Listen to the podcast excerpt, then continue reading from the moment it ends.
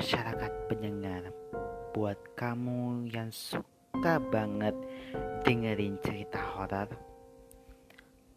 atau penelihat dan pernah merasakan mitos serta legenda yang ada di sekitar kita, kalian wajib banget dengerin di segmen mitos dan legenda. Mitos dan legenda merupakan podcast terbaru dari berbagi cerita Tyler yang mengangkat sebuah kisah sekaligus makna di balik sebuah peristiwa serta mengungkap mitos dan fakta yang dibalik di dalamnya. Kalian wajib banget dengerin mitos dan legenda di podcast berbagi cerita Tyler yang akan tayang setiap hari Senin, Rabu, dan Jumat di Spotify. Mitos Legenda eksklusif on berbagi cerita Tyler for you by on Charles Prizozola Z Tyler Mata Pekanbaru Kainas.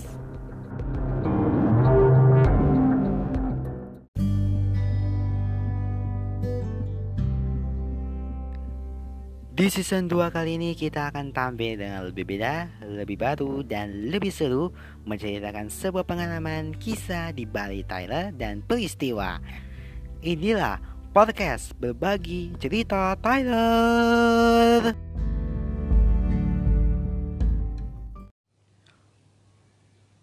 Uh, rasanya serius sekali ya pemenangan ini. Kayak berasa di taman menghirup udara segar dan pastinya matahari nggak panas juga ya kalinya ya. Enak banget nih. Ya halo sahabat semuanya. Yang di mana pun kalian berada kami harapkan dalam keadaan sehat dan senantiasa mematuhi protokol kesehatan di mana pun kita beraktivitas. Sekali Oke, kita ketemu lagi di podcast berbagi cerita Tyler season 2 bersama aku Malaka Saputra dan Tyler King yang sekarang sudah ada di Spotify. Nah, kali ini kita akan membahas Oh ya, kita masuk ke genre dulu, mitos dan legenda.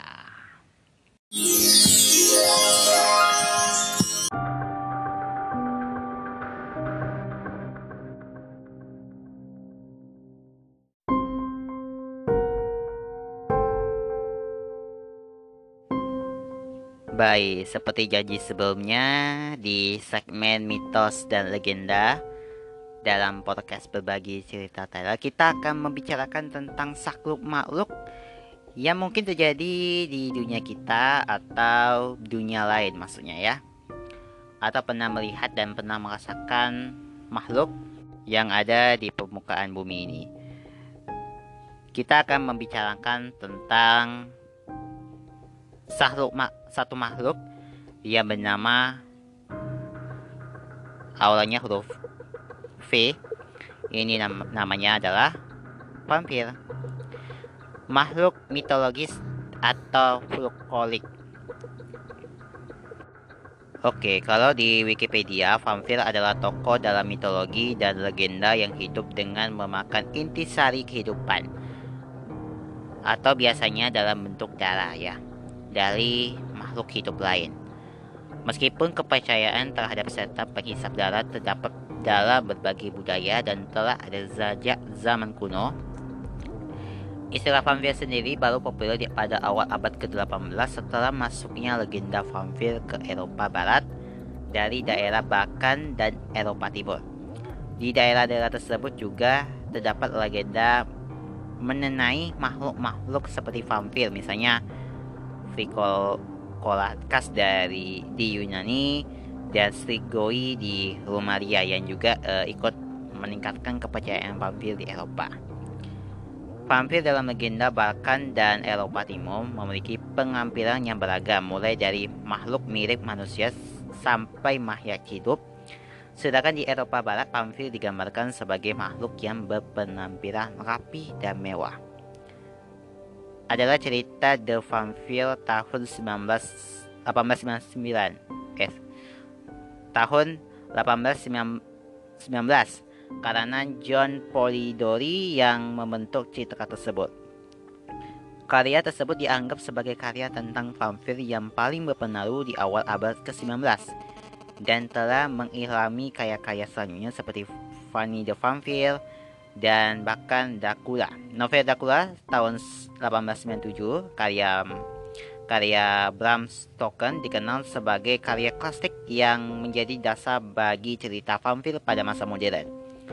Novel ini mengambil unsur dari legenda manusia serigala dan setan sejenisnya dan menggabungkannya dengan konsep keabadian dan serta sistem masyarakat masa Victoria. Uh, suksesnya buku ini memicu munculnya genre vampir yang masih tetap populer hingga saat ini melalui buku, film, permainan video, dan bahkan acara televisi.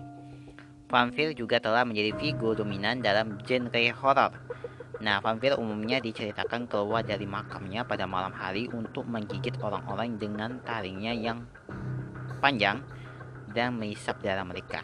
Korban yang gigitnya biasanya akan menjadi vampir juga. Menurut beberapa mitos nih, vampir ini tidak tampak di cermin karena uh, mereka tidak memiliki jiwa. Namun dalam cerita fiksi modern, vampir bisa menjelma menjadi kelelawar, serigala, bahkan gumpalan gas dan harus menjauhkan diri dari singa matahari. Wow. Emitiologi. Ini kata vampir dalam bahasa Inggris pertama kali muncul pada tahun 1734 dalam sebuah cerita berjudul Travel of Three English Gentlemen yang diterbitkan dalam Halian Miss pada tahun 1745. Setelah Austria menguasai daerah utara Siberia dan Olimpia pada 1718, pejabat setempat menyadari adanya masyarakat lokal yang melakukan praktik penggalian jenazah dan pembunuhan vampir. Laporan ini kemudian disebar ke masyarakat luas. Istilah bahasa Inggris vampir ini bahasa dari bahasa Jerman yaitu vampir. Kemungkinan melalui bahasa Prancis yaitu vampir. Bahasa Jerman sendiri mengambilnya pada awal abad ke-18 dari bahasa Siberia. Eh, Serbia. Nah, istilah tersebut masuk ke dalam bahasa Jerman pada masa ketika Siberia masuk ke dalam kekaisaran Austria. Pada saat itu diceritakan adanya seorang vampir bernama Arnok Palok. Bentuk Serbia tersebut memiliki kesamaan dengan bahasa Slavia. Asal kata sendiri ini belum jelas. Pendapat yang populer adalah bahwa itu bahasa dari bahasa Lusonia. Teorinya yang ada adalah bahwa bahasa Slavia ini menyerap dari bahasa Turki. Penggunaan pertama dalam bentuk bahasa Rusia kuno terdapat dalam dokumen yang bertahun 6555 atau 1040 27 Masehi.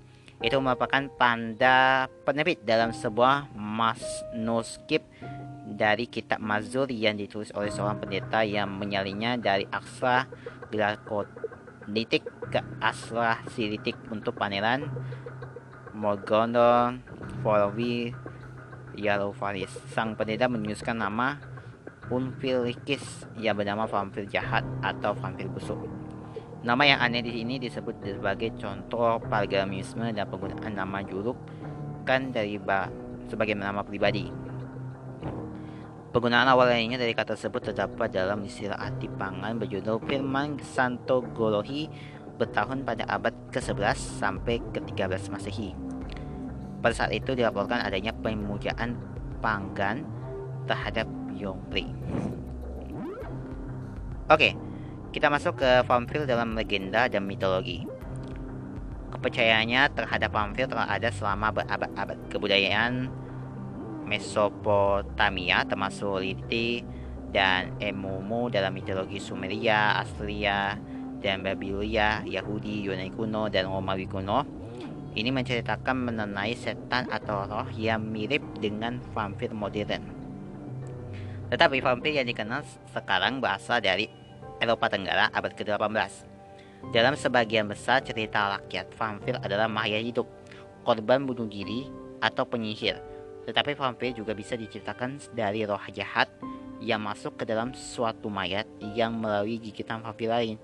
Legenda ini semakin lama semakin luas dan bahkan ini beberapa daerah ini menyebabkan histeria massal dan beberapa orang dituduh sebagai vampir. Kita mulai dari gambaran umum dan atribut. Dalam legenda-legenda di Eropa, vampir ini biasanya digambarkan bertubuh membekak dari tubuh normal dan berwarna merah gelap. Dalam peti matinya, vampir mengeluarkan darah dari mulut dan hidungnya dan kadang-kadang dengan mata kiri yang terbuka. Setelah dikubur, mayat yang merupakan vampir tetap mengalami pertumbuhan gigi, rambut, dan kuku perubahan menjadi vampir. Ini proses menjadi vampir berbeda-beda ya. Dalam beberapa kepercayaan di Siberia dan Cina, mayat yang dilangkai oleh kucing atau anjing akan menjadi mayat hidup. Dalam kepercayaan Rusia, vampir adalah penyihir atau manusia yang semasa hidupnya menentang gereja. Ritual budaya kadang dilakukan untuk mencegah orang yang baru saja meninggal berubah menjadi mayat hidup. Misalnya mengubur mayat secara terbalik atau menaruh benda-benda duniawi seperti arik atau sabit di dekat makam dengan masuk e, agar setan yang mendatangi mayat merasa senang dan tahu supaya roh yang sang mayat ini merasa terhentam sehingga tidak akan bangkit dari peti mati. Cara ini e, mirip dengan praktik penguburan orang Yunani kuno yang mengharuskannya untuk mengarus seregepi obolus di mulut mayat supaya rok mayat tersebut bisa melewati sungai uh, Styx. Ini tradisi ini terus berkembang menjadi kepercayaan Yunani ya tentang Vio Kolankas yang nama yang mana sebuah salib dan tebika bertulisan Yesus Kristus berkuasa ditaruh bersama e, mayat untuk mencegah mayat tersebut berubah menjadi vampir. Cara lainnya yang diperhatikan di Eropa menyebutkan pemotongan e, tengong di mulut atau pengaburan biji ovium atau pasar pa, eh, pasar pasir di tanah pemakaman. Ini bertujuan agar sang vampir menghabiskan sepanjang malam dengan menghitung biji-bijian tersebut. Kita lanjut. Dalam suatu cerita tradisional Cina, jika ada vampir yang melihat sekarung beras, maka vampir tersebut akan menghitung tiap butirnya. Mitos ini juga muncul di anak benua India dan dalam cerita masyarakat Amerika Selatan tentang penyihir dan roh jahat. Kita mulai ya dari uh, mengenai vampir ini. Banyak ritual yang dilakukan untuk mengidentifikasi seorang vampir ini. Salah satu cara mencari kuburan vampir adalah dengan menggunakan anak perawan yang mengunggangi kuda perawan dan berjalan di pemakaman. Ini menurut kepercayaannya kuda tersebut akan menolak melewati makam vampir. Umumnya yang dipakai adalah kuda hitam meskipun di Albania yang digunakan adalah kuda putih. Setelah itu lubang di atas makam dipercaya sebagai tanda vampir. Mayat yang dicurigai sebagai vampir biasanya digambarkan memiliki penampilan yang lebih bagus dari yang seharusnya dan tidak menampakkannya tanda-tanda pembusukan. Dalam beberapa kasus ketika uh, kuburan vampir dibuka, mayat tersebut berlumuran darah korban di wajahnya. Bukti bahwa seorang vampir aktif di suatu daerah ditandai dengan kematian ternak, domba, dan sanak keluarga atau tetangga. Vampir dalam cerita rakyat juga kadang-kadang melempar batu ke atap rumah, memindahkan barang-barang, dan memberi mimpi buruk dalam tidur seseorang. Masuk ke perlindungan ya. Benda-benda tertentu bisa digunakan untuk melawan vampir. Bawang putih dan air suci sangat umum dalam cerita vampir. Ini setiap daerah ini memiliki benda pengunsur vampir tersendiri. Di Eropa ini, uh, biji sesawi yang ditaburkan di atap rumah dipercaya dapat menjauhkan diri eh, menjauhkan dari vampir. Benda suci lainnya adalah salib rosario dan air suci. Vampir dikatakan tidak bisa masuk ke tempat suci seperti gereja atau kuli. Uh, vampir juga tidak bisa melewati air meskipun secara tradisional tidak dianggap sebagai benda keramat. Cermin digunakan untuk mengusir vampir dengan cara ditepat, ditempatkan di depan pintu. Dalam kepercayaan tertentu, vampir tidak punya bayangan. Ciri vampir ini digunakan oleh Bram Stoker dalam Dracula dan menjadi populer di antara para penulis dan pemula film.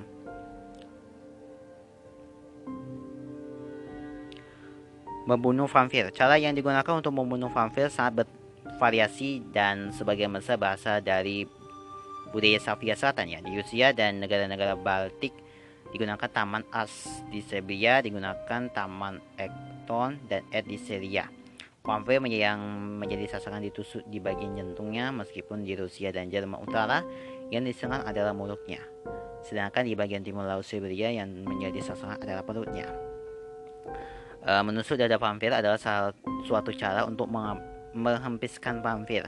Cara ini serupa dengan mengumpulkan benda tajam seperti arik sehingga vampir akan tertusuk benda tersebut akan ketika vampir tersebut memenggalan sering uh, dilakukan di Jerman dan daerah Serbia Barat dengan kapal sang vampir dikubur terpisah dari tubuhnya. Cara ini dilakukan untuk mempercepat perginya roh dari tubuh, kepala, tubuh, dan pakaian vampir juga terpaku uh, ke tanah agar vampir uh, tersebut tidak bisa bangkit kembali. Orang-orang Gipsi memasukkan besi atau jarum ke dalam jantung mayat yang memasang besi di mulut, mata, dan telinga dan jari-jari mayat ketika penguburan. Mereka juga memasukkan taman Helton ke dalam kaos kaki mayat. Cara-cara yang lainnya adalah dengan mengeluarkan air mendidih di atas makam dan membakar mayatnya menjadi, sampai menjadi habu. Di Balkan, vampir juga bisa dibunuh dengan ditembak, diteramkan, diulangi penguburannya di peci air suci atau dengan ekosisme. Di Lumaya, bawang putih ditaruh di mulut Maya pada abad dan pada abad ke-19 dilakukan penembakan pada peti mati untuk mencegah munculnya vampir. Dalam kasus tertentu, tubuh vampir dipotong-potong dan dibakar di daerah Sakon di Jerman, buah lemon ditaruh di mulut mayat yang dicurigai sebagai vampir.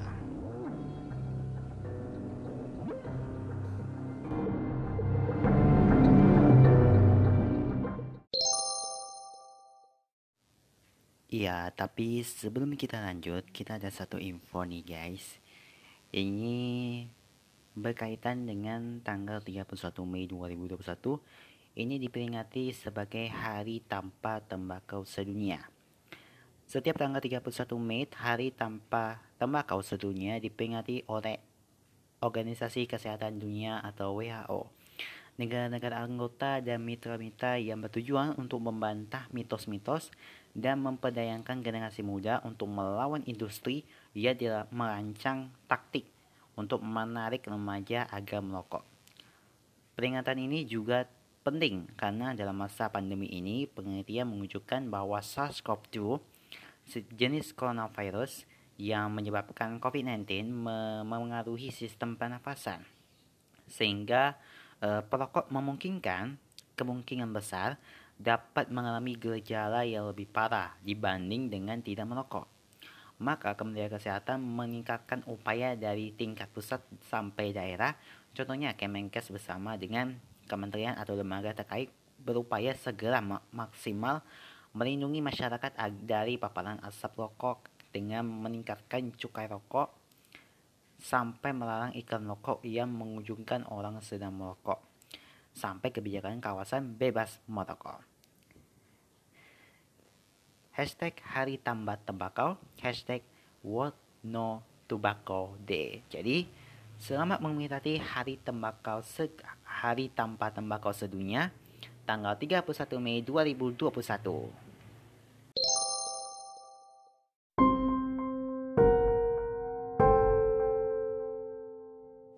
Masuklah dengan fakta tentang vampir ini ya guys. Jadi pertanyaan aku nih, apakah vampir ini benar-benar ada? Inilah 5 fakta dan penjelasannya mitos atau fakta ya. Nah jadi tentu kamu sudah sering mendengar kata vampir ini.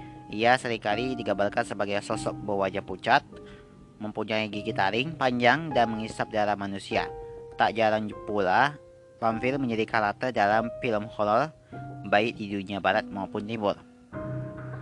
Vampir juga biasa disebut dengan Dracula. Cara berjalannya yang melompat berasal dari kuburan orang yang sudah mati. Pasalnya, kisah vampir ini sangat populer di kalangan masyarakat Eropa sehingga menjadi bagian dari folklore dan sering dijadikan uh, tema film novel bahkan puisi. Nah, berikut adalah beberapa fakta tentang seputar vampir ini. Yang pertama, konsep vampir sudah ada sejak masa peradaban kuno. Konsep vampir era modern yang kini kita kenal sebagai uh, salah satu hantu dengan taring, kuku panjang, dan menghisap darah ternyata sudah ada sejak zaman masa kuno. Menurut laman Archies Origins, bangsa Sumeraku kuno yang hidup sekitar 4500 sampai 2000 sebelum Masehi sudah mempercayai adanya vampir. Mereka menyebutnya dengan Ekimo atau yaitu arwah arwah ya yang orang meninggal yang terkena kutukan sehingga uh, tidak bisa istirahat dalam kuburan dengan tenang. Akibatnya arwah ini tersebut dipercaya sering menghisap darah orang yang masih hidup. Bahkan uh, Ekimo itu bisa mengembus pintu untuk mencari mangsanya. Hal itu sejalan dengan apa yang dipercayai oleh masyarakat Tiongkok kuno. Mereka menyebutnya dengan Xiangxi atau arwah orang meninggal yang tidak dikubur dengan baik sehingga balas dendam pada keluarganya yang masih hidup. Yang kedua, ada banyak versi vampir di seluruh dunia. Vampir sering dikategorikan sebagai hantu atau makhluk supranatural. Bahkan mereka tidak bisa melihat dirinya sendiri di depan cermin. Pastinya mereka digambarkan sebagai penghisap darah manusia sebagai makanan atau bahkan sumber kekuatan. Nah, ternyata ada banyak versi atau jenis vampir di beberapa negara. Mengutip laman Life Science, vampir di Rumalia justru tidak digambarkan sebagai sosok yang sadis sebagaimana yang kita ketahui. Masyarakat Rumalia percaya bahwa vampir merupakan representasi pangeran Frank Tepes yang juga pahlawan penting yang telah melindungi negerinya dari ekspansi kerajaan Turki Utsmani. Lain halnya di Slavia, masyarakat percaya bahwa vampir adalah mayat manusia yang bangkit dari kubur, kemudian membahayakan manusia yang masih hidup. Lebih jauhnya lagi, menurut Matthew Belfast dalam bukunya From Democracy to Dracula, The Criteria of Modern Vampire Myth, menyatakan bahwa vampir lagi bagi masyarakat Mesir kuno adalah iblis yang dipanggil dari dunia lain ke dunia manusia. Di Tiongkok sering kali disebut dengan siangsi atau roh jahat yang menghisap kekuatan manusia. Berikutnya, kepercayaan adanya vampir muncul karena kurangnya pemahaman tentang penyakit menular. Sekitar 1787 hingga 1800 Masehi, pemerintah setempat di New England mencatat ada kematian penduduknya yang cukup signifikan. Salah satunya penyebabnya yaitu TBC atau tuberkulosis yang mengenai 2% penduduk wilayah tersebut. Namun mereka tidak begitu memahami tentang ilmu medis khususnya penyakit TBC. Pasalnya mengutip laman history, eh, mereka meninggal dalam kondisi mengerikan seperti halnya batuk darah, berat badan yang menurun drastis, kulit pucat dan lain sebagainya. Mereka percaya bahwa hal itu itu disebabkan ada hal yang menggeroti manusia bukan penyakit melainkan makhluk tertentu yaitu vampir. Hal itu diparah dengan adanya kejadian kematian satu keluarga di Pulau Rete yaitu Mary Brown, Mary Office 20 tahun, dan Mary Lena 19 tahun. Mereka meninggal secara berturut-turut karena penyakit misterius. Tak lama kemudian, saudara laki-laki Olive dan Lena Rimborn menyusul sakit dan akhirnya meninggal pula. Dokter pun sudah mengetahui penyebab kematian mereka secara ilmiah, yaitu penyakit menular. Namun tidak masyarakat desa yang justru menganggapnya diserang oleh vampir. Akhirnya keluarga yang tersisa, John Brown, mengizinkan masyarakat desanya menggali kuburan anak-anak dan istrinya untuk dilakukan pencegahan. Berikutnya muncul ritual anti-vampir. Ketakutan akan bahayanya vampir menyebabkan adanya ritual anti-vampir di kalangan masyarakat Eropa. Kita lanjut.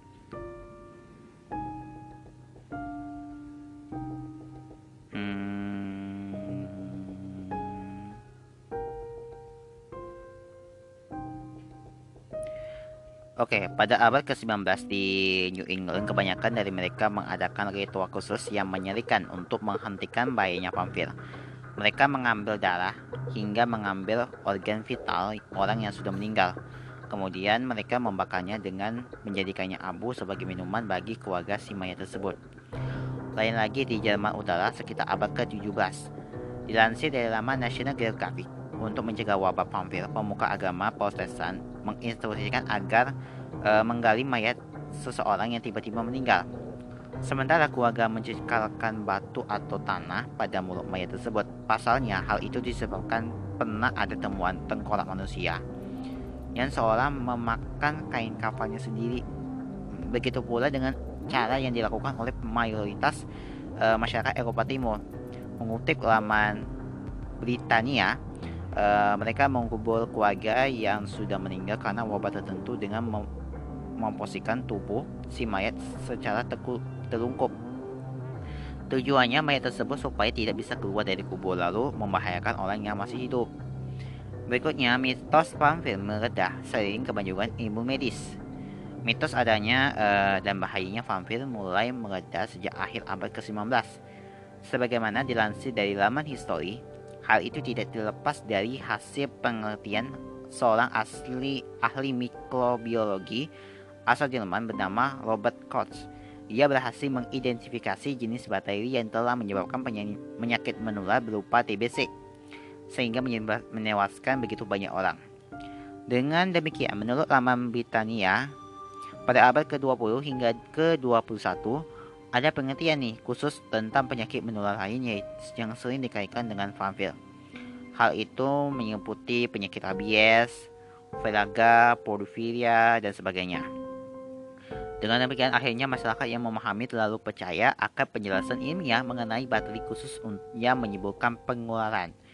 Nah jadi vampir itu termasuk hantu mitos yang tidak benar. Namun cerita mengenai bahaya yang sangat terkenal bagi banyak kalangan di penjuru dunia, khususnya masyarakat Eropa. Tidak heran jika akhirnya sering kali vampir dijadikan sebagai tokoh dan film di film-film karakter film-film barat. Nah itulah tadi uh, beberapa penjelasan tentang vampir. Semoga bisa menjadi pelajaran bagi kita semua akan pentingnya memahami ilmu medis dan tidak perlu takut dengan segala jenis hantu dan mitos.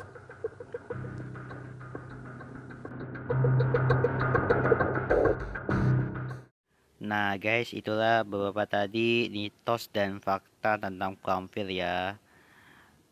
Ya kita tutup aja ya di segmen mitos dan fakta kali ini. Dan jangan lupa untuk selalu dengerin ya podcast berbagi cerita Tyler yang akan hadir setiap hari Senin, Rabu, dan Jumat di Spotify. Jangan lupa follow akun media sosial Instagram at mata underscore pekanbaru underscore kindness dan at podcast cerita Tyler untuk mendapatkan informasi-informasi terbaru serta podcast-podcast episode terbaru yang akan datang. Terima kasih. Saya Marcus pamit. Terima kasih. Sampai jumpa. Bye. Berbagi cerita Tyler hanya di Spotify.